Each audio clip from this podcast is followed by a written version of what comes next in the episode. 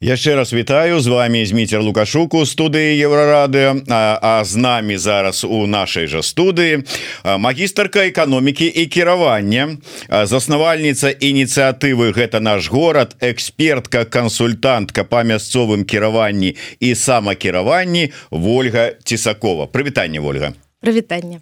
Раней я заўсёды казаў депутатка мінгар совета нягледзячы нават на тое что ўжо два гады як яна знаходіцца у варшаве і не на адным пасяджэнні мінгар совета з таго часу не прысутнічала. Але толькі цяпер як я разумею маеш магчымасць і права і гонар дадаць до да гэтага вот экс экс-депутатка да. наконец-то дождались і якія пачуцці? а Ой, ну Добби свободен. Добби получил носок, и вообще замечательно, знаете, как будто свалилась с плеч вот этот вот моральный груз ответственности который якая адказнасць Ну чалавек з'ехаў з-за ціску там і пагрозы быць затрыманым і апынацца і быць депутатам у якой-нибудь калоніі але Ну і что? І які груз? Ну вот так вот склалася з'ехала ніякіх функцый не выконваеш там прыёмаў выбаршчыкаў не праводзіш які груз?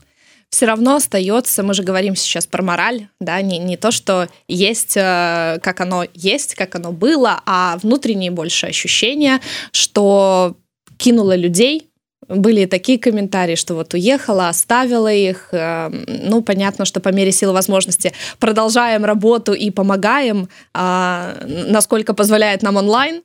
Вот, но э, да, были, были такие моменты, что все равно ты продолжаешь чувствовать вот эту вот незримую связь э, с режимом, что, естественно, не может э, радовать. незрымая связь с режимом это вот хорошо сказано Я думаю зараз спецслужбы Польши напружыліся Вольга але наколькі я разумею страціўшы дакладней набыўшы вот эту прыстаўку экс депутатка набыла і яшчэ нешта Да, еще, статусе. Еще один экс. Но он случился пораньше. 16 э, января КГБ добавила организацию КАТОС, местное самоуправление, в список экстремистских организаций и меня как человека, имеющего отношение к работе к этой, этой организации. Вот. А мы это узнали в 20-х числах января от правозащитников, но в списках нас не было. Они, видимо, э, признать-то признали, а потом сообразили, что, конечно, ладно, депутат э, за границей, но депутат депутат-экстремист звучит вообще ужасно, поэтому нас пока спрятали. Деючий депутат-экстремист. Да, поэтому нас пока спрятали, и только уже после единого дня голосования, вот в понедельник или вторник мы скачали обновленные списки, и там наконец-то появилась уже и организация, и фамилия, и, в общем-то, да, XX.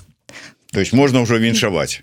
Можна але ввогуле як вот ставішся да таго што стал прызналі ну фактычна ўжо відавочна экстрэмістка і что вот э, якое адчуванне ну, то есть что змяніла ну это цирк э, честно потому что организация которая была признана экстремистской по факту продолжала и делает сейчас э, условно часть депутатской работы. То есть, ладно, если бы это были действительно какие-то крамолы.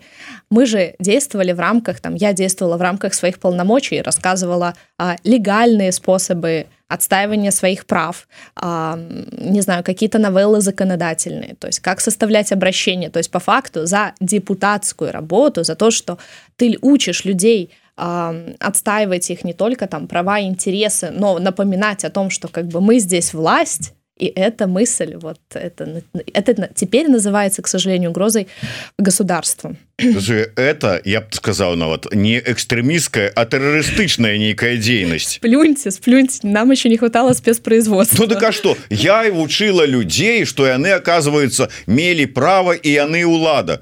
Да. Это вы, это вы, ладно, ладно, Лукашенко, он там как бы отвернется еще. Это вы вот скажите о Заронку он же бедный лопнет почувши такое что вы тут какая-то еще улада ну вот э, рекомендуем ему почитать э, конституцию третью главу чтобы да что народ все-таки является источником власти.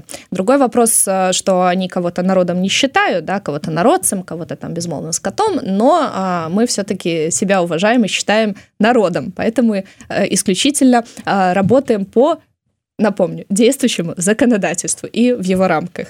Добра, не будем про э, у гэтым калупацца. Э, я про іншае. Ольга, я прыгадываю, мы з вами, ну, может быть, где-то год тому, размаўлялі закраналі тэму вот будучых выбараў мясцовых найперш выбараў і вы казалі что нягледзячы на ўсе рэпрэсіі нягледзячы на вот тое что небяспечна вытыркивацца і праяўляць ініцыятыву людзі ўсё адно знаходзяцца тыя якія хочуць паспрабаваць потрапіць у нейкія мясцовыя советы каб хоць нейкім чынам нейкія там правы адступы адстойваць нешта рабіць хотя б вот без палітыкі не палітычная але на карысць сваім суседзям і казалі что вот ёсць люди якім вы ну как бы кансультуеце дапамагаеце каб вот яны ведалі что ім рабіць хоть один з тых кого кансультавалі прайшоў зараз у депутаты?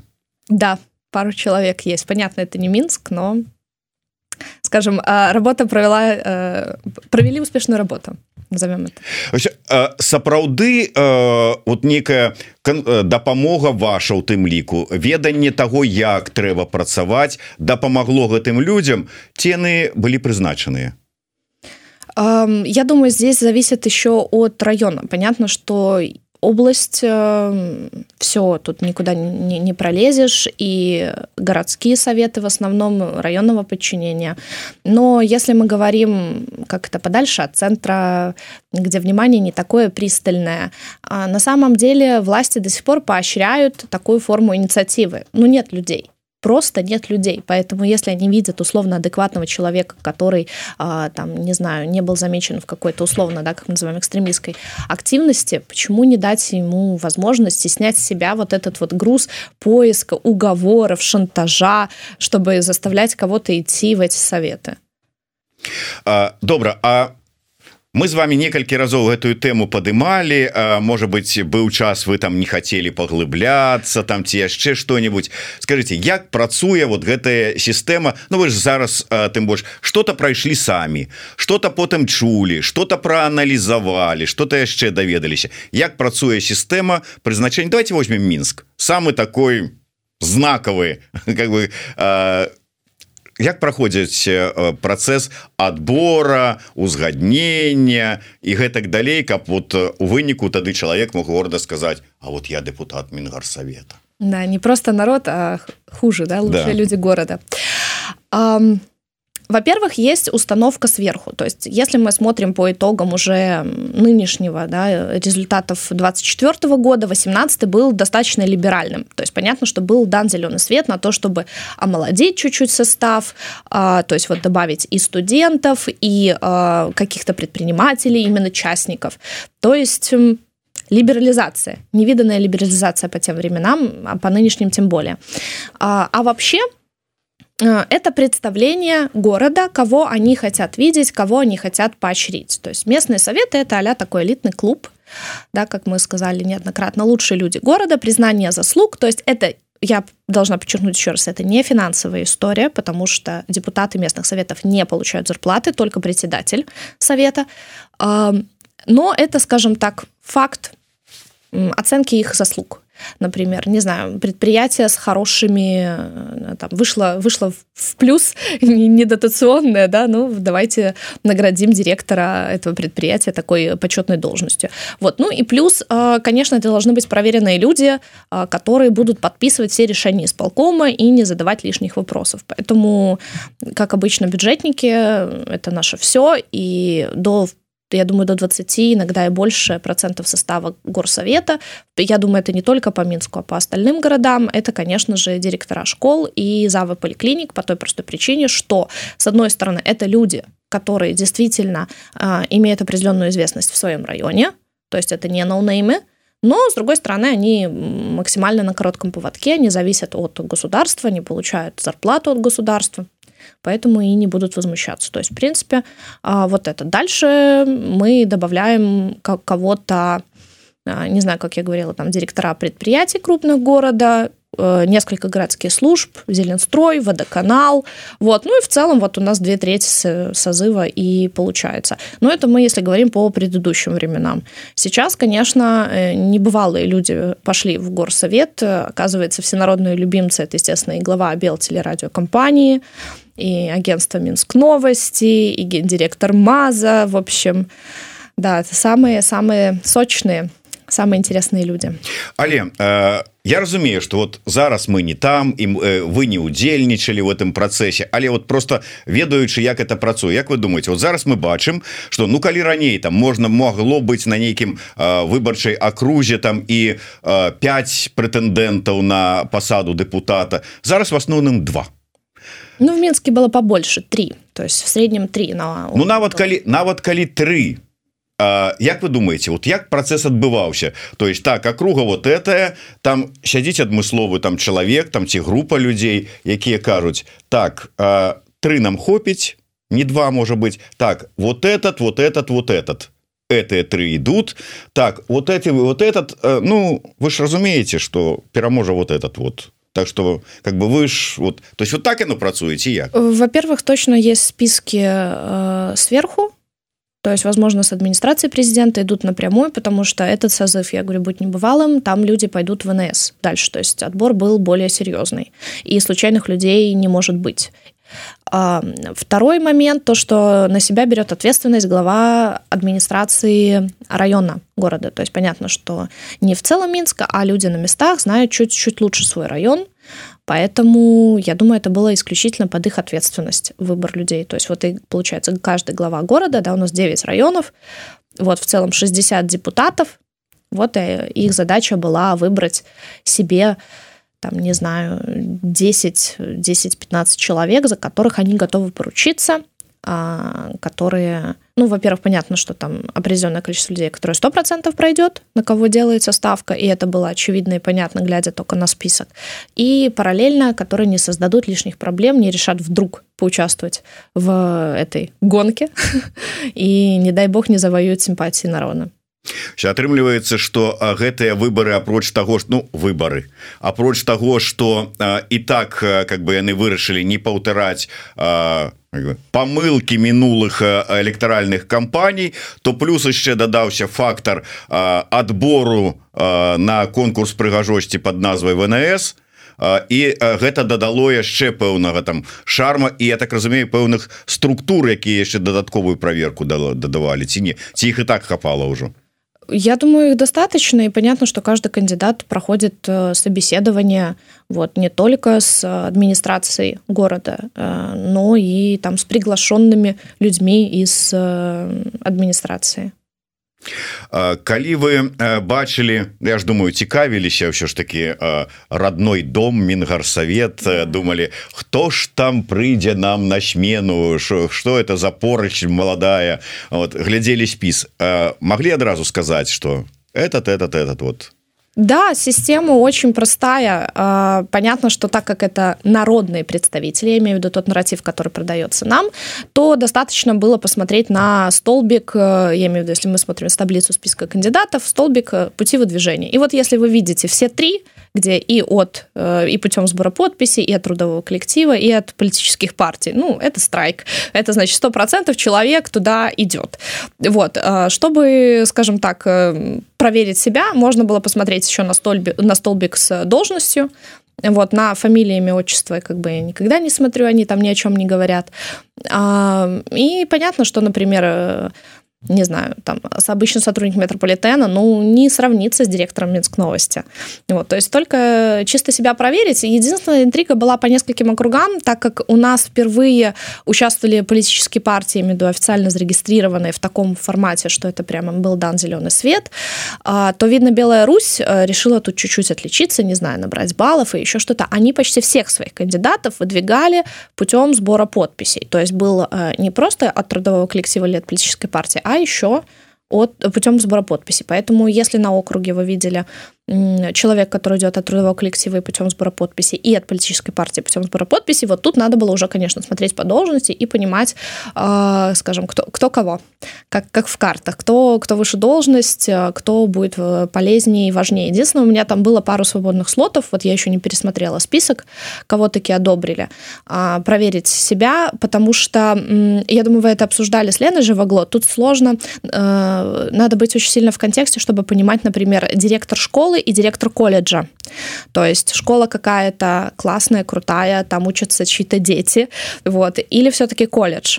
Э, что выше. А так, э, при прочих входных данных, да, я думаю, 90% э, списка за 5 минут можно просмотреть. Хотя, ну вот, напрыклад, там зараз ізноўку на абвінаваціць что там как бы на ас дзіўныя асобы звяртаем увагі тым не менш вот одна круга по ёй ідуць два прэтэндэнта. Настоящий полкоўнік ідэолог часткі 32 14 і ну звезда ньюсмейкер Бондарева. Вот кстати этот округ у меня был вопрос. Понятно что по первому столбцу должен идти идеолог но Бондареву не просто так туда пихнули. У нас э, прошло закон э, было изменение закона о местных советах. И теперь э, депутатам местных советов официально разрешено иметь помощников то есть до этого мы работали сами. И это общественная нагрузка, понятно, что помощники ровно так же, но сам факт. А, и вот у меня, у меня есть предположение, что, может, ее возьмут э, помощником депутата. То есть это какая-то никакая приписочка, должность. Вот можно повыступать, особенно когда, скажем, а, коллега а, это директор Минск новости, это вот целая целая площадка. А Белтелерадиокомпания, так вообще красота, можно на ОНТ ходить. То есть зараз яна можа быть э, стане помощницей депутата да. полковника да вполне и будзе выступать перед От его лица да присутствовать так. на приемах отвечать да и у нее за спиной будет целая войсковая частка 32 14 ну да. Порадуемся за нее да адразу перед вачыма вот это вот фоточка. Не будем узгадывать якая да.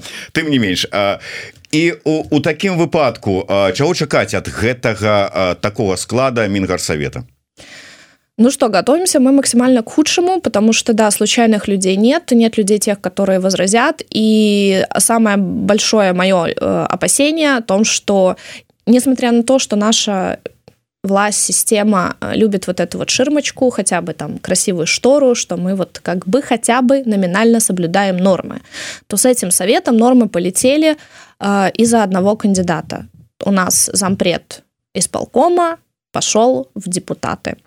Это извращает, в принципе, само понятие вот этой исполнительной и представительной власти, потому что... А вот э, нема этой нормы, як у палате представников, что ты сыходишь со своей працы? Так вот здесь вопрос, то, что депутаты, так как они не получают зарплату, они сохраняют за собой рабочее место. И у нас есть две развилки. Первое, когда он становится, там, я не знаю, главой, может, какой-то комиссии и сохраняет место в исполкоме. То есть получится. С учетом того, что на сессиях э, он выступает часто, представляет какие-то проекты, получится, что он этот проект и представляет, он за него и голосует. То есть уже абсурд на абсурде. А Вторая, вторая развилка, она тоже не самая приятная, что его могут назначить председателем. Тогда да, он уходит со своей э, должности в исполкоме, становится главой горсовета, ну и, и все, и добрый вечер. Человек э, максимально из исполнительной системы, ее выкормыш э, возглавляет теоретически представительный орган власти, ну, э, у нас получится исполком номер два. В, вот и все. То есть э, любое даже минимальное возражение... А что оно... это меняет? І а... так вот Господи у мяне такое адчуванне что вот э, что сказали і так то і зробяць а вот отсидели свое и скинули с головы господи ты боже мой вы знаете, нет, они очень не любят недовольство. Они очень не любят людей, которые умеют читать документы, которые могут посмотреть, потом прийти и рассказать людям, что вас обманывают, вас обворовывают. Им такие люди не нужны. Вот колькі это... таких людей было на вот у вашем складе э, немного, совета? немного но поверьте они создали столько э, шума и столько нервов что председатель горсовета был уволен вон с волчьим билетом. Я что-то не вижу он не пошел ни в новый созыв и я не знаю какую должность ему предложат сейчас поэтому будет наказан за свою вольницу, за, которая, за своеволие, которое было допущено. Все должно быть гладко. Здесь вот вопрос в том, что для меня это очередное подтверждение, что система в себе максимально не уверена. а, нужно настолько зачистить поле, настолько закрутить гайки, потому что они не могут себе позволить даже одного человека, даже на закрытой сессии, который будет высказываться против. Для них это непозволительная роскошь сейчас. А навошта ёсць у вас тлумачэнне вось вы не один раз сказали про тое что вот там кіраўнік мінск новости вось там старшыня там э, телерадыокампаніі той же самый шпаковскі ідэолог там гіген не памятаю куды ён там попал палатку а палатку. Ну добра. Навошта ім вось гэты ідэалагічны складнік Візьму... калі яны робяць такую увогуле э, вот гэты орган с э, цалкам вот послушный нейтральный который робіць выгляд что его няма. Опять-таки я думаю эти люди для того чтобы пойти в ВНС ну я не знаю про шпаковского конкретно но мне кажется что белтелерадиокомпания и Минск новости перейдут в ВНС а у нас есть квоты же на депутатов но Минск скорее всего идет в полном составе поэтому Поэтому так. Ну, я не знаю, может, там есть какая-то шальная мысль а популяризации горсовета и создании положительной картинки, что вот, видите, чиновники вам подарили очередной детский сад на ваши же деньги. Спасибо им большое. Дарэчы я вярнуся трошку да пачатку нашай размовы калі вы раска хвалячыся сваім э, званнем экстрэмісткі э, сказали про катосы якія вось прызналі экстрэміскімі фармаванням э, арганізацыямі. Э, ну катос гэта ж ну такое на самым нізавым самым базовым узроўні такое умоўна кажучы самакіраванне ну вот дом который можа заняться я не ведаю вырашэннем пытання дзе там ямку прысыпаць дзе там э, якую кветочку пасадзіць і гэтак далей. А э, навошта гэта робіцца навошта іх вынішчаць і да чаго это можа прывесці Ну, признали только наше название, а как бы само формирование КАТОС они не могут признать экстремистским, потому что это, простите, прописано и в Конституции, и в законе. То есть им нужно закон признать, получается, экстремистским и переписать его. А, да, это базовая форма самоуправления. А, опять-таки, мы а, возвращаемся к тому, что им не нужны люди, они боятся людей, которые знают свои права, знают, как нужно требовать не ходить с протянутой рукой и говорить, ну, пожалуйста, присыпьте, да, нам ямку, а который знает, куда пойти, кому написать, как написать, как дойти до самого верха. А, им это не нужно. Вот и все.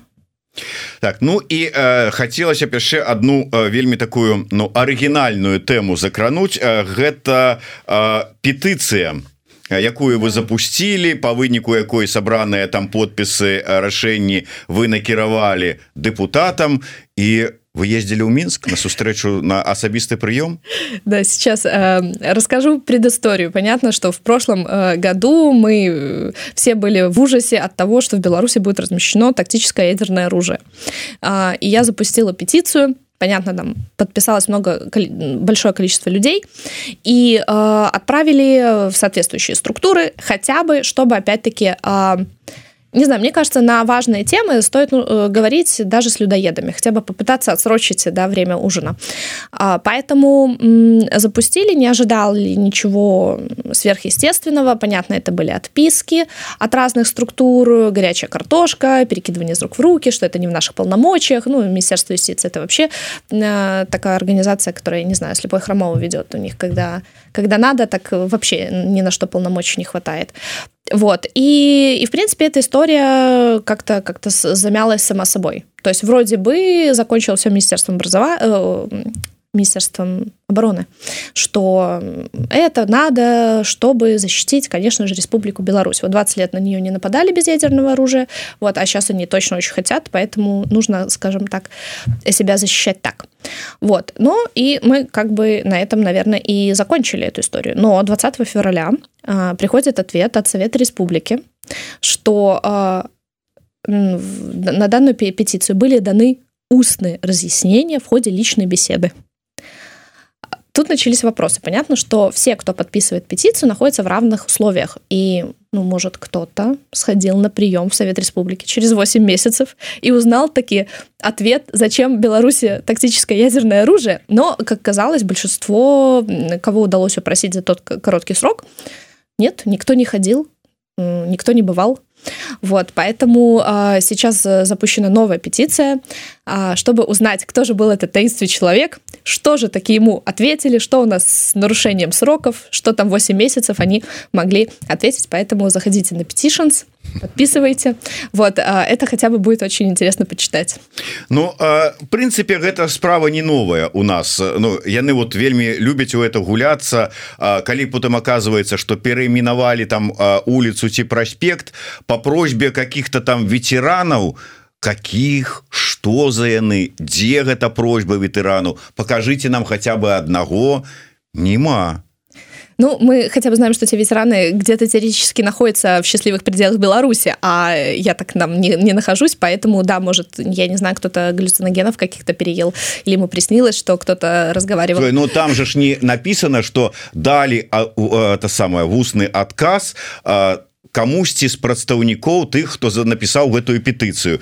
Там э, вот этот вот чалавек якому да уручылі гэтую петыцыю выйшаў сустрэў кагосьці калегу там ці просто там скажем с прэс-службы і говорит вот табе отказ на вот эту петыцыю все отказ дадзены Ну хорошо что они про это помнят. Понимаете как это это круги по воде что вроде кинули его еще не знаю там в июне прошлого года июнь июль а вот в феврале все еще еще этот вопрос стоит на повестке Дарэчы вот вы звярнуліся ў гэты цікавы орган якім по-ранейшаму кіруе ваша любіміца качанова. Конечно. Атрымліваецца як там как бы нават не, не хочется уживать слово троллить а, а спихивать на яе вырашэнне будённых жыллёва-камунальных праблемаў она в этом вообще большая молодец. Вот угомонить соседа буянищего, это, это только в путь. Понятно, что когда дело касается серьезных вопросов, вот, но это тема уже там эфира следующего, да, с Александром Кныровичем, про касаемо дольщиков, а, воровства и так далее. Это, конечно, мы, мы это не хотим. Другое. Это. это другое, вы не понимаете, это другое. Но вот какую-то крышу починить, это, это мы очень сильно любим. Поэтому, ну, если человеку нравится, Я считаю, каждому, как это, по возможностям и по способностям. Поэтому все работает. Ну, в принципе, как бы, где водоканал, там и крышу можно поремонтовать. Ну, Чему ж не? Ну, к тому же у нас вот будет еще год, потому что э, я продолжаю опирать на то, что э, электоральная кампания начинается новая, да, президентская, прости господи вот, поэтому у нас есть еще год дарэчы будете консультовать э, жадающих поудзельничать у меня простите нет э, компетенции соответствующих вот но по крайней мере для обычных людей это конечно еще один год когда на их проблемы власть будет обязана реагировать хотя бы, потому что, опять-таки, нам нужен вот эта а народная любовь, какой-то консенсус, то есть людям должны кинуть кость. Ольга, это застаецца насамрэч? На самом деле, да, удивительно, но оно есть. Ну я разумею на мясцовым узроўні можа быть там вот кіраўніку нейкаму там мясцоваму яму да тому что ну ён же ж ходзіць все ж таки э, сярод народа. А гэтым вышэй зараз калі мы кажам про эту кампанию э, слушайте да там сумасшедшая отчетность в предыдущую там 20-е годы всех депутатов обязали проводить ежедневно встречи в трудовых коллективах и присылать отчеты женщин из администрации с обязательно фотографии каждый день, начиная там, ну, то есть за месяц до выборов. Это очень, они помешаны на вот этой вот картинке. Я не знаю потом, куда идут эти папочки. Понятно, что там можно было оспорить и поругаться. Вот, кстати, они это очень не любят, когда осталось сказать, что типа вообще тут э, офигели коронавирус, и никуда я не пойду. Так резко откатили, типа, ну, вам, Ольга, можно и не ходить. Вот, но остальные-то ходили, остальные-то делали.